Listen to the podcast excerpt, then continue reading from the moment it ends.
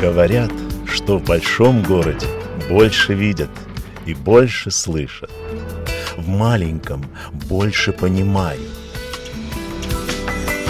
Дома, где откликаются на стук, в программе «Непростая провинция».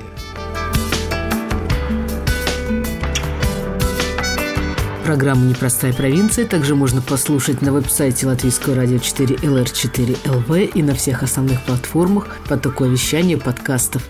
Здравствуйте, я Ольга Гудис. Мы продолжаем гостить в Зилупе, во вратах Латвии с ее восточной стороной. Одно из самых приметных и симпатичных зданий Зилупы – это музыкально-художественная школа. Она стоит возле парка на горке. В окнах выставка оригинальных театральных кукол. Справа возле здания настоящий рояль, словно сделанный из травы или мха. Двери школы раскрываются, и на пороге появляется невысокого роста очаровательная светловолосая женщина в элегантном красном платье. Она распахивает руки для объятий, и мы обнимаемся, хотя еще не знакомы. А теперь обед, десерт, пожалуй, уровня самого изысканного ресторана. Это тыквенный десерт? Да. То есть вы сами сделали? Я сама только что сделала. Пошла домой, быстренько сделала. Тыкву я не люблю, но в таком виде я и ем. Там и ягодки есть мороженые свежие. Все свое. Тыква своя, ягодки свои. Даже малинка из леса. То есть у вас есть огород? У меня есть огород, да. Огород у меня для души. Когда я очень много умственно работаю, я просто прихожу туда, у меня полное расслабление. Я копаюсь в земле, мне нравится. Я прибегаю, смотрю, как там все растет. Потом наслаждаюсь тем, что я вырастила экологически чистая, потому что я не признаю никаких удобрений. Может быть, могло бы вырасти все это и крупнее, и лучше, и больше, и вкуснее, но как ну, у вас такие. тут прям все такие люди, по-моему. Ну да. Более того, я в этом году купила 8-метровую теплицу. Ого. Да. Муж у меня вегетарианец уже более 30 лет. И а вообще... сами вы нет? Нет. А как вы тогда? Вот так. Он очень любит животных и растительные, и животные миры. Он даже мух не убивает. Ни комаров, ни мух не убивает. Вот. Он буддист? Нет. Кришнаит? Православный. Одно время у него не было работы, и у него было предприятие свое, которое занималось лесом. Но ему не нравилась работа работа, губить деревья, пилить. Потом пилорама у него была, он ее бросил просто из таких гуманных каких-то соображений. И работал инструктором по вождению. Сейчас он на пенсии. И вот я в ней а все от работы далеко живете? 400 метров. У нас здесь ничего недалеко. Все рядом. И огород во дворе. Так что все на Прямо здесь, недалеко от школы? в окно видно. Да, что? Круто. Так можете посмотреть, там не залезли кто А, залезли, да, залезли. У нас тут был праздник. Я пришла после праздника, вскрыли, выломали, ну, почти выгнули двери, помидоры собрали красные все. Да подумаю. Да. Я думала, что такого сейчас нет в регионах. Может быть, не знаю. Праздник был, может. К водочке. Трудно сказать. Да, правильно, правильно. И вот она играет на фортепиано.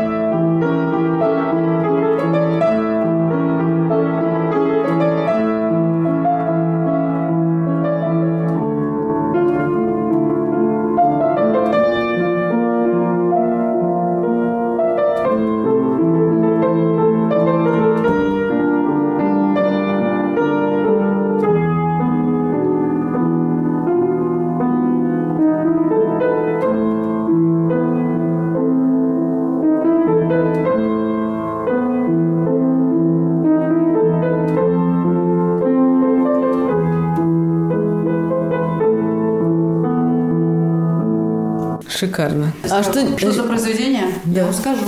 Когда-то нашу с вами молодость вышел на экраны фильм, который назывался «Пусть говорят». Этот фильм был про певца Рафаэля испанского певца, такого красивого, молодого. Фильм был, в общем-то, автобиографичный. Был такой один эпизод, что с братом родным они расстались на каком-то периоде жизни. И вдруг Рафаэль идет по улочке какого-то города и вдруг слышит мелодию, которую сочинил его брат. Мелодия это называется «Встреча». Он заходит в кафе, а там брат работает топером, играет эту мелодию. Он так к нему подошел с той стороны пианино, стал говорить, ну, привет, брат, привет. Мне эта мелодия очень понравилась, и я ее подобрала.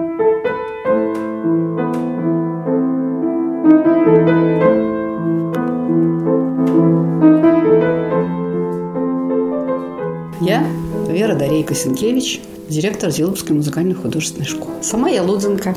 Я считаю, что очень счастливый человек, можно ли так сказать, очень счастливый, ну просто счастливый человек, потому что мне повезло. Повезло родиться в семье, которые меня любили, лелеяли. Хотя семья была не богатая, но нашли возможность дать мне образование какое нужно. Хотя нас было трое деток у мамы. Она все силы приложила, с папой, чтобы мы все были образованными, чтобы росли в заботе, в ласке, в любви. У нас все было. В общем, с родителями повезло очень. А кем работали? Мои родители простые люди. Мама работала нянечкой в детском саду. А папа был столером. Он прекрасно делал лодки. К нему приезжали лодки делать со всей Латвии. Лодки он делал такие красивые, устойчивые, что можно было... Вот моя сестра выезжала средняя, ну такая смелая была, не такая, как я. Выплывала, значит, на лодке на середину Луденского большого озера ныряла с кормы, и эта лодка даже не шевелилась. То есть особое у него было мастерство, особые какие-то знания, и поэтому он был очень хорошим мастером. К сожалению, он уже умер, и было бы 94 года в этом году. У меня были способности к художеству тоже. Но так как в Лудзе была только музыкальная школа, и в садике маме воспитатель по музыке сказал, что девочки есть способности, отдайте его учиться в музыке. Мама меня отдала. Через год мне купили пианино, хотя было очень трудно. Мама даже клюку собирала в лесу и продавала, чтобы собрать на это пианино. В то время стоило 660 рублей, а мамина зарплата была 40. В общем, были созданы мне все условия, когда, как все дети обычно бывает, не хочу больше учиться. Когда трудности. А вы, вы в доме жили в Лудзе? В доме. У меня очень красивом месте дом на берегу Большого Лудинского озера, прямо во дворе озера. Обалдеть, да. Это такое было счастье, когда я приехала в И купались сегодня? Купались мы даже с сестрой ночью, просыпаемся жарко. Пойдем искупаемся, пойдем. Просто не накинули, То есть это ваша такая ванна была большая да, ванна. большая. Озеро было чистейшее, вода прекрасная, никакой травы, никакой растительности там не было, песочек морской. Такая была красота, к нам все время приезжали дачники. Это нам То помогало это какое жить. время было? Это были 60-е и 70-е годы. Дачники приезжали из Москвы и Ленинграда. У нас было очень дешевое мясо, у нас были очень хорошие молочные продукты в Лудзе. Ну, и они снимали у нас, мы выделяли комнату, и это была тоже такая прибавка к нашему благополучию. И деньги были нужны всегда. Тем более три девочки, надо всех одеть, обуть, в школу отправить. Зачем мне повезло? Я поступила в музыкальное училище, хотя там был большой конкурс в Резакне. Я поступила на э, теоретическое отделение, благополучно его закончила и получила направление в Зилупа. Я родилась 1 сентября, поэтому, наверное, сам Бог велел мне стать учительницей. И я приехала в Зилупа 27 августа с намерением преподавать сольфеджио музыкальную литературу. Но в это время из Зилупа уехала директор, убежала по каким-то семейным обстоятельствам. И мне позвонил человек, которому я просто благодарна и вспоминаю с теплотой. Человек, который вообще всю культурную жизнь в нашем районе организовал, это Петр Янович Байжер, заведующий отделом культуры. Он позвонил мне и сказал, Вера, надо ехать на совещание в Ригу. Ну, надо, надо. Мы с его женой поездом приехали в Ригу, в консерваторию, подходим, там регистрация. Я ничего же не знаю, и ребенок 19 лет. Даже еще не было 19. Подходим к регистрации. Она, значит, там говорит что-то, и потом поворачивается ко мне и говорит. Вера Дарейка Сенкевича, Зилупас музыка с директора. Без меня меня женили, меня никто не спросил. Хотя мне когда-то говорили, может, ты хочешь директором пойти в школу? Я говорю, да вы что, Петр Янович, я в Ригу уезжаю, у меня в Риге квартира, я буду в Риге жить. Послушайте, это такие были социальные лифты. Да. То есть это просто сразу. Это просто сразу. И он меня сразу, вот буквально несколько дней у меня запись в трудовой книжке есть, что я принята преподавателем, переведена директором. И это единственная запись в моей трудовой книжке. Ну, это, наверное, достойно книги рекордов Гиннеса в 19 лет стать директором школы. И на этом посту я отработала 45 лет вот в этом году. Подождите, сколько же вам? 64. И я начала работать. Опыта никакого. Все старше меня. Конечно, я много дров наломала. И в прямом и переносном смысле, потому что мне всегда было неудобно. Ну как это делать замечания старшим людям? Мама меня учила, что надо с уважением относиться. Потом были проблемы такие, которые меня в будущем научили быть хозяйственником, хорошим хозяйственником. Вот я тут говорила, что я каждый гвоздь знаю в этом здании. Да, я знаю. Потому что, когда я пришла в ту школу, здание такое старое, кстати, и здание было первое в Зилупе вообще, историческое. Когда строили железную дорогу, нужна была какая-то контора, где сидят бухгалтера и все там прочие-прочие прорабы. И построили это здание. А потом в нем была школа железнодорожников. Потом не знаю, что еще было, но в конце концов это здание было нам отдано. И когда я пришла в эту школу, вокруг школы лежало 140 кубометров дров, замерзших, сырых, и начался отопительный сезон. И делай, что хочешь. Но это надо было вот как выкрутиться. Но спасибо папе. Приезжал, на неделю напилит, потом поколет топим неделю. Опять на выходные приезжает, напилит, наколет. Самое, конечно, такое ужасное было то, что я же не знала, мне никто ничего не подсказал. И когда закончился отопительный сезон, была возможность оплатить ему эту работу. Я пришла к бухгалтеру, бухгалтер мне сказала, за списанные дрова мы денег не платим. Первая шишка у меня была такая, потому что мы же их списывали каждый месяц. В то время так нужно было. А я же не знала, мне никто не подсказал. У меня даже списков не было учеников, которые у меня учатся, представляете? Ну, просто их не было. Печати не было, а просто она утеряна. Вот с этой разрухи я начинала. А много народу училось? Тогда 55 человек училось. О, Да. Знаете, у меня как-то жизнь моя поделена на до, вот юность до того момента, как я пришла и столкнулась со всеми трудностями работы.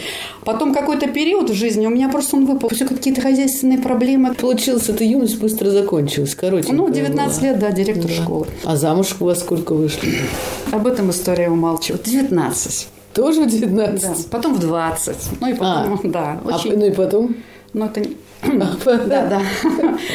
Хотя считается, что когда человек венчается, этого не надо, конечно. Я надеюсь. 28. И вот сейчас. Венчались. Да. Венчалась позже чуть-чуть, но третий раз замуж вышла 28. Ну, вот не может человеку во всем вести, правда? А, по-моему, вам повезло. Нет, я имею в виду, ну, у меня вот, может, с личной жизни не очень так все было, но зато во всем остальном. Ну, разве это не очень? Да, ну, нет. ну, По-моему, первого раза. Интересно, да? Ну.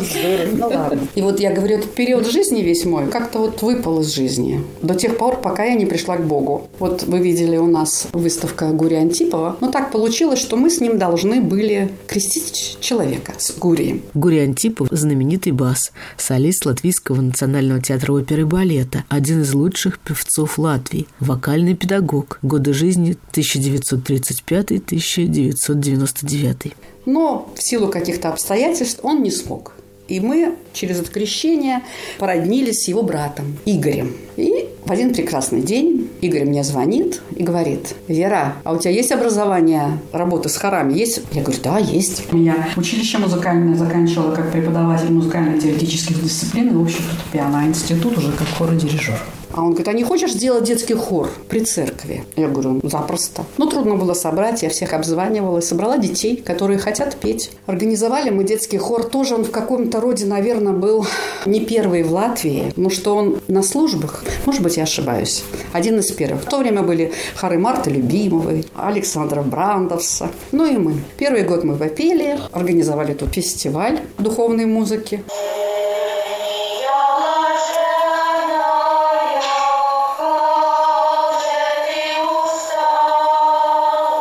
Отрывочек из молитвы Ксении Блаженной в исполнении детского хора города Зилупе, 1996 год.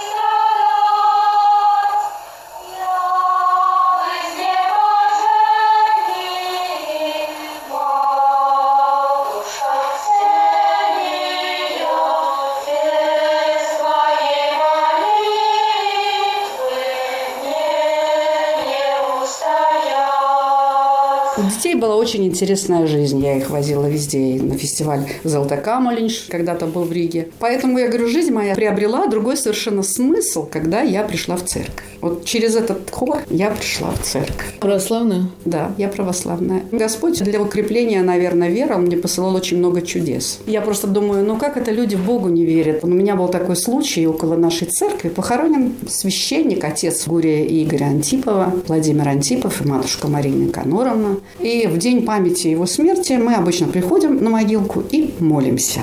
И один прекрасный солнечный день, безоблачный, мы пришли молиться на могилку. А у меня минус, я плохо вижу вдаль. И я так думаю, ой, ну он же умер до того, как я в церковь пришла. Думаю, интересно, в каком году он умер? И опять думаю, ну вот интересно, а слышит он наши молитвы или нет? И вдруг я смотрю на камень, который я не вижу, там написано. Я смотрю на камень, он черный, мрамор. И этот камень на моих глазах превращается из черного в белый. И черными буквами по белому написано. Отец Владимир Антипов, матушка Мария Никаноровна, годы жизни. Не знаю, мое состояние вообще, какими словами описать. Со мной рядом стояла подружка моя, врач зубной. Я ее, Ольга, Ольга, Говорю, посмотри. Она это увидела тоже. Потом, через некоторое время, этот камень опять превратился в черный. И потом ко мне подошел тоже моя работница муж, Иван, и говорит, Вера, ты думала, ты одна только это видела? Я тоже это видела. Вот все вокруг не видели, а мы это видели. Вот это превращение камня. Я говорю, люди, ну что вам еще надо для доказательства, что Бог есть? Ну и очень много всяких случаев, когда что-то теряла, находила, помолившись. Ну вот этот случай был такой. Очень-очень-очень-очень. Я стала ходить на все службы, я стала руководить хором, и жизнь приобрела другой смысл. Это был 96 год. А в 98 году освободилось вот это здание. Здесь когда-то был райком партии, потом здесь была школа, потом здесь был интернат.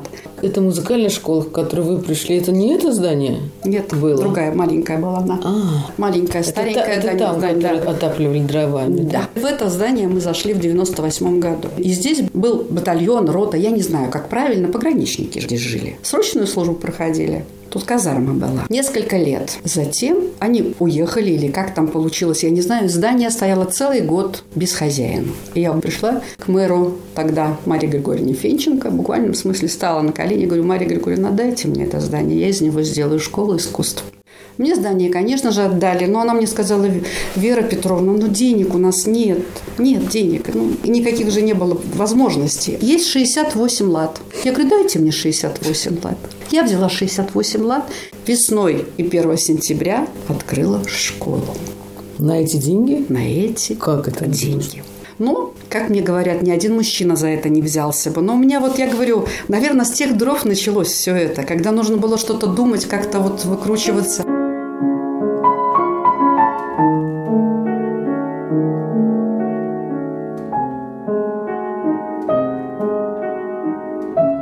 Во-первых, здесь все было перегорожено кирпичами. Мы эти кирпичи убрали. Кто-то у меня их взял. За это мне, допустим, побелили. За это мне купили побелку. 68 лат я положила в карман, поехала в Литву и на себе привезла обои на всю школу. На себе. Большой автобус. Я покупаю 10 трубок, засовываю, бегу дальше. Еще 10 трубок покупаю. А тогда же обои дешевые были. А там вообще еще дешевле, чем у нас. Наполнила автобус, довезла до Розыкненской железнодорожной станции. Потом, не помню, наняла или кто мне вез. Машину погрузили, привезли. И все учителя, родители клеили, сами клей варили. Ну, где-то красочки белые купили. Пусть она была не шикарная, но мы открыли школу. Остался только непокрашенный фасад и не сделан зал. Там был спортивный зал. Ну, на это, конечно, нужны были средства. И в этот год отменили курган дружбы. А деньги были запланированы 3000 лат. Меня вызвала к себе мэр города и сказала, что эти 3000 мы вам даем на ремонт школы. Мы покрасили фасад и сделали зал. Мой папа делал сцену. Муж мой тогда занимался лесом, он дал нам материалы все. И зал был приведен в порядок. И та же Илга Иванова про меня написала Lauku Avīzē. Флорист Илга Иванова в то время работала в Зилупе организатором праздников и различных мероприятий. И меня номинировали Radoša sieviete laukos. Я была 99. Ездили мы в Тукумс, там награждали. Я не была победительницей, но я была первая из Лудзинского края. И только через 10 лет в школе уже сделали новый, так сказать, евроремонт. Вот этот вот ремонт 2008 года. Ну, Выглядит, да. как будто вчера сделали. Я очень слежу за всем, что было все Прям так все бережете. Все, что да. было, все прибито, нигде ничего не отвалилось, нигде. Идеально. Да. По-хозяйски. Я очень требовательна к себе и очень требовательна к людям. Может быть, иногда и не надо. Я, конечно, понимаю это где-то, но нет предела совершенства. Мне кажется, что можно было еще лучше. Но это, наверное, недостаток. Надо, наверное, все-таки довольствоваться тем, чем есть.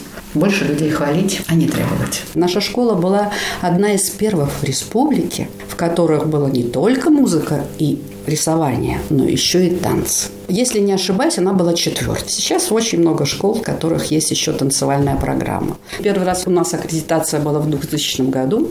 У нас было название школы Зилупас Макслу Школа, то есть школа искусств. Потом приняли решение такое, что все школы должны одинаково называться. И все любые, даже в которых три программы, они все начали называться Музыка Сон Максл Танцевальная программа у нас была до прошлого года. 24 года. Танцевальная программа – это балет? Это основа хореографии, классический танец, современный танец, там всякий сценический танец. Здорово. Здорово, да. И когда к нам последний раз приезжала аккредитация 6 лет назад, нам сказали, что ваша школа лучшая из сельских школ с танцевальной программой, сильная. У нас очень хорошие результаты были у детей.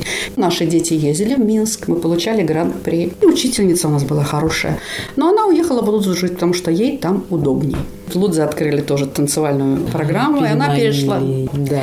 И она перешла, ей там выгоднее. Я, конечно, человека с одной стороны понимаю, с другой стороны я не очень понимаю. Ну ладно. И она теперь работает в Лудзе. А у нас пришлось отделение это закрыть. Может, кто-то из учеников? У нас один ученик в опере и балете танцует, который закончил нашу хореографическую школу. Он закончил и художественную, там внизу висит его дипломная работа Маки, шикарная работа на ткани. Фамилия у него Мартынцев Сергей. Я думаю, что в этом году он, наверное, закончил уже Хореографическое училище. Нет, я имею в виду, кто-то из учеников, может быть, здесь будет преподавать у вас. Никто здесь не хочет жить. Вы сами видите, здесь у нас, ну, хорошо отдыхать, воздухом дышать, наслаждаться. Ну, а молодежь нечего делать. На озеро съездить, так просто отдохнуть. А Работать негде. Работать нет, негде работать. А такие самодельщики, которые там свои какое-то Нет. дело открывают? Нет. Нету таких? Нет. Вот начали там валяние, но это не молодежь уже такие, на моего примерно возраста женщины. Красиво получается, молодцы. Кто-то там занимается выращиванием каких-то продуктов, овощей, фруктов. Ну, нет. Ну, а учеников сколько у вас? Когда у нас была танцевальная программа, у нас почти доходило до 130 человек. Но у нас многие дети учились на двух программах. Они успевали. Но потом, несколько лет назад, нам запретили принимать на государственное финансирование детей, чтобы не на двух программах учились. Только на одной. Поэтому, если у нас самоуправление второго ученика оплатит зарплату учителю, ну, вот так мы иногда. И у нас очень мало. У нас в школе, наверное, три или два человека только, которые на двух программах учатся. А раньше много училось, поэтому детей считалось много. Сейчас детей мало, 71 человек. Ну, тоже на хорошо. двух программах. Неплохо. Ну, неплохо, наверное. Я посмотрела, есть еще поменьше школы, чем наша в Латвии. Школа нужна, она необходима. Да. Там кто-то учится в Риге, кто-то консерваторию закончил, кто-то в консерватории даже по танцам. Но все-таки соприкоснувшись с искусством, дети становятся Кон- лучше, Я как считаю, что личности. хоть прежде всего цель наша, чтобы они выросли людьми, прежде всего. Чтобы они не обижали, уважали, были добрыми, отзывчивыми, открытыми, не делали подлостей. Мне кажется, что человек, взявший в руки скрипку, не может совершить что-то плохое. Мы праздновали 50 лет в школе. Я придумала сделать концерт, на котором будут выступать бывшие выпускники. Даже если они не связали свою жизнь с музыкой. Но играют на гитаре, играют в ансамбле. Они все приехали, это было, конечно, грандиозное мероприятие. Представляете? Люди, которые 40 лет назад играли на аккордеонах, они были посажены все на сцене и играли вместе в оркестре. Сами испытывали огромное удовольствие и зрители, конечно. Фестиваль международный делала «Радуга». К нам приезжали гости из соседних государств, даже из Казахстана. Тоже было мероприятие очень грандиозное, интересное, и мастер-классы, и все были накормлены здесь, в этом здании. Там ничего, там жизнь вот здесь, а та забыта полностью, выпала из памяти. А здесь все, все прошло здесь, поэтому люблю каждый угол, каждую досочку.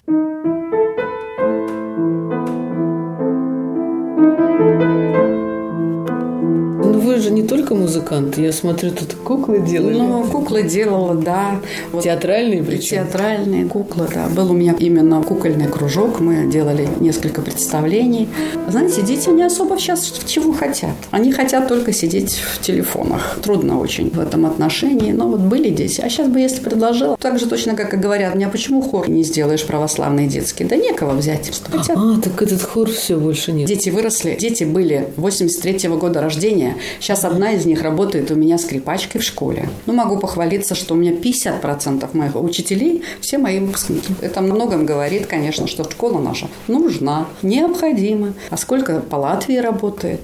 Много. Люблю вообще заниматься творчеством. Люблю готовить. Когда есть время. Вот куклы любила шить. То А сейчас время. не шьете? Нет, сейчас просто времени нет. Сейчас у меня нагрузка другая. Как меня учила мама, как меня мама воспитывала, что жить надо для людей. Жить надо, чтобы вокруг тебя людям хорошо было. Вот я стараюсь следовать маминым заветам. И поэтому у меня уже пять лет два ансамбля вокальных в которых поют люди 60 плюс до 80 плюс. Они собираются на базе Лудинского дома культуры. Сначала у меня был русский ансамбль. Тогда мэр города приехала ко мне в Зилуп и попросила, сказала, что везде во всех домах культуры есть вокальные ансамбли нацменьшинств. У нас в Лудзе нет. Ну, давай, говорит, сделаем русский ансамбль. Я долго думала, но потом согласилась. Через год ко мне пришли Белорусское общество Креница Лудзинская и попросили, мы тоже хотим петь. И вот все, кто там в Белорусском обществе, поют у меня в ансамбле. Может быть, нужно было делать какой-то отбор по голосам, но у нас поют все, кто хотят.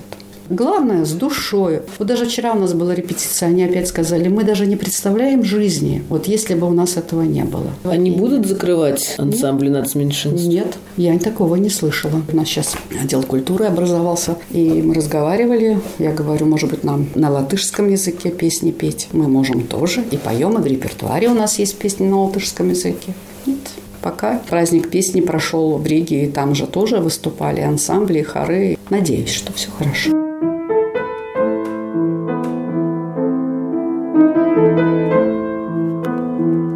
Сейчас мы осматриваем и художественную экспозицию. Это работы учеников, развешанные по стенам школы и в классах. Красота. Спасибо.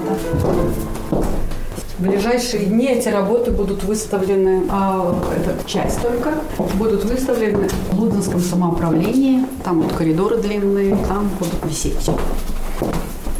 А это что? А это, это роспись по стеклу. А, по стеклу. По стеклу. Красота. А фон просто вот... Фольга. Да, фольга. Внутри. А сколько вообще детей в Зилупе? Затрудняюсь вам ответить, но в школу ходят, наверное, человек до 240, я так думаю. А в садик, может, человек 50. Сложная техника. Это сложная техника, да. да. Я знаю. Разрезается, а потом Да-да. переплетается. Это керамика у нас хорошая тоже. Когда говорят про Зилупу, все говорят, ой, ну это депрессивный район. Ну да, конечно. Так и есть? Для кого-то да, для кого-то. А нам тут хорошо, тихо, спокойно, никаких катаклизмов. Местная техника, гречневая крупа и вот орнаменты национальные. Да. Какая шикарная идея. Ну, это у нас учительница такая. Такой предмет есть. Работа с материалом. Потрясающе. Черепаха из гофрокартона. Все модерновые техники. Здорово. У нас учатся дети с 8 лет, а раньше мы в 12 лет в первый класс принимали. Все вам показать, какие были сразу работы профессиональные. Мы много даже высылали на конкурсы за границу, во Францию там или куда. Я думаю, что они просто украшают сейчас где-то чьи-нибудь дома, потому что настолько профессиональные картины были, но нам их никто не вернул. Ты подумай. Вообще считаю, что преступление, имея под боком художественную музыкальную школу, не отдать ребенка развиваться, это просто преступление. То есть вы берете всех? Но мы на музыку только не берем всех. Все-таки музыка это подразумевает способность. Невозможно научить человека, у которого нет чувства ритма. Ну, пусть у него нет голоса, но чувства ритма нет, если его невозможно научить. А может быть, появится? Разовьется? Ну, голос развивается. У нас был один мальчик, мама попросила, ну, возьмите моего Сережку в школу, потому что у него бронхиальная астма. И мы его взяли на трубу, и он через три года пел в хоре. То есть он вообще не пел, а через три года пел уже в хоре, выступал, и астму свою вылечил. Точно так я работала в Нерзе какое-то время, в Нерзинской в начальной школе, и там тоже девочка была с астмой. Я ее притащила к нам учиться, тоже на трубу отдали. Она очень хорошо играла, подлечилась, но, к сожалению, выбрала другой путь. Пошла на ветврача учиться. У меня была всегда заниженная самооценка. Наряжусь, приду на танцы, волосы красивые, вся такая аккуратненькая. Ну, может быть, немножко полновато было. Мама- Полноваты были? Да, да. Это вы сейчас... Это я была полнее, чем сейчас. Это вы специально? Это я специально, да. Я всю жизнь себя держу в рамках, чтобы быть вот такой. У меня все полные в роду. И приду нарядная, мама всегда наряжала красивое, колечко купит золотое, и сережки. В то время вообще это фантастика. Не приглашает на танцах никто. Отсижу весь вечер, домой иду, никому не нужно. Такой красивая девочка. Ну, я же думала, что я некрасивая. То есть как человек думает, так и есть. Ну, я не знаю, это неправильно, конечно. Мама говорила, доченька, ты не гневи Бога, ты хорошенькая. Нет, мама, я толстая. Недавно для меня это было таким откровением. Я в автобусе встретила своего одноклассника, с которым я сидела 8 лет за одной партой. И он мне вдруг такой выдает. Перл говорит, я, говорит, был счастлив, что я сидел с самой красивой девочкой в нашем классе. Я рот открыла и говорю, Станислав, я говорю, а что ж ты раньше этого мне не сказал? Вот вы Понимаете, подумайте. вы подумайте, вот никто ничего не говорил, а сестра мне говорила, да к тебе страшно подойти, ты как сядешь так, таким видом. Все боялись. Боялись, да. А ваши дети остались здесь? У меня нет детей. У меня вот, вот это мой ребенок главный. Поэтому я здесь и в субботу, и в воскресенье. Поэтому много есть. Я люблю свою работу. Я приду сюда в субботу, в воскресенье, в день рождения и так далее.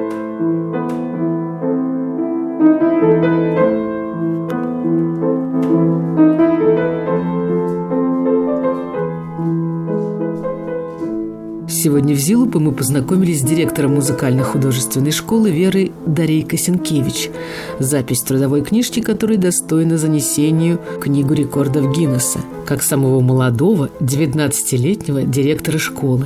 И Вера считает, что жить надо так, чтобы людям вокруг тебя было хорошо. С вами была «Непростая провинция», редактор компьютерного монтажа Инга Бедела, автор программы Ольга Гудис. Если вам понравился этот подкаст, порекомендуйте его своим друзьям и поделитесь им в социальных сетях. Нажмите сердечко или поставьте пятизвездочную оценку платформе, на которой вы нас слушаете. Спасибо.